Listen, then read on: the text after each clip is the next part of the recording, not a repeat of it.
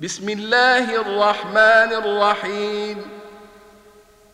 يا أيها النبي إذا طلقتم النساء فطلقوهن لعدتهن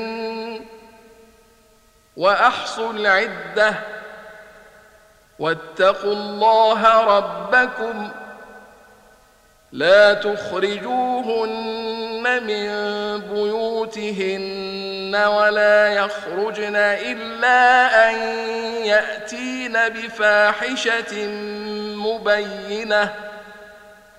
وتلك حدود الله. ومن يتعد حدود الله فقد ظلم نفسه. لا تدري لعل الله يحدث بعد ذلك أمرا.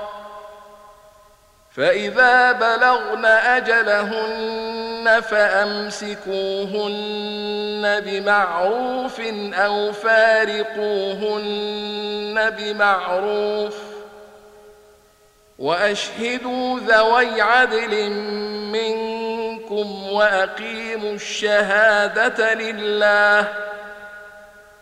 ذلكم يوعظ به من كان يؤمن بالله واليوم الآخر.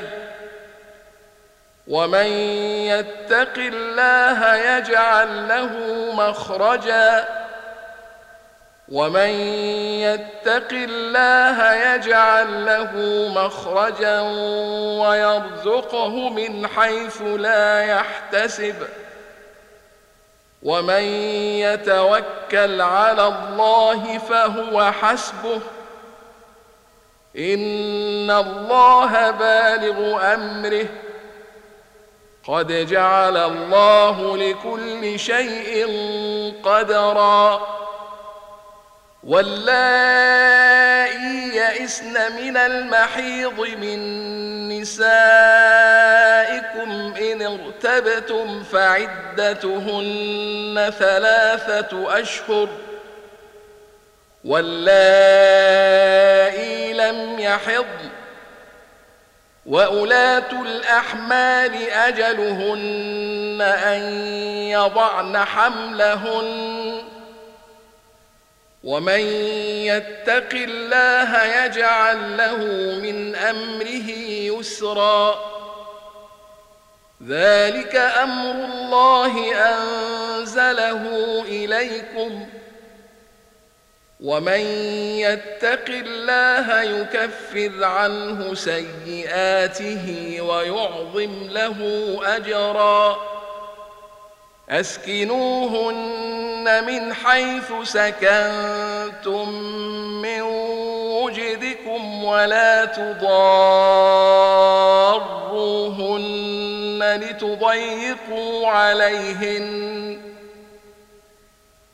وإن كن أولات حمل فأنفقوا عليهن حتى يضعن حملهن. فإن أرضعن لكم فآتوهن أجورهن وأتمروا بينكم بمعروف وإن تعاسرتم فسترضع له أخرى لينفق ذو سعة من سعته ومن قدر عليه رزقه فلينفق مما آتاه الله. لا يكلف الله نفسا إلا ما آتاها. سيجعل الله بعد عسر يسرا. وكأي من قرية عتت عن أمر ربها ورسله فحاسبناها حسابا شديدا وعذبناها عذابا نكرا. فذاقت وبال أمرها وكان عاقبة أمرها خسرا. أعد الله لهم عذابا شديدا. فاتقوا الله يا أولي الألباب الذين آمنوا. قد أنزل الله إليكم ذكرا.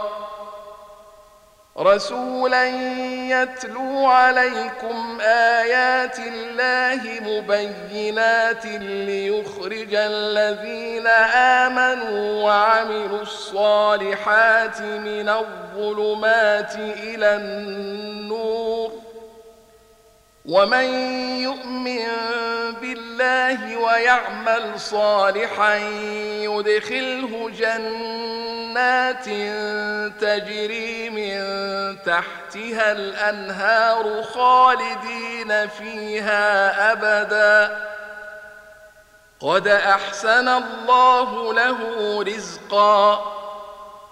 الله الذي خلق سبع سماوات ومن الأرض مثلهن يتنزل الأمر بينهن لتعلموا أن الله على كل شيء قدير. لتعلموا أن الله على كل شيء قدير. وأن الله قد أحاط بكل شيء علما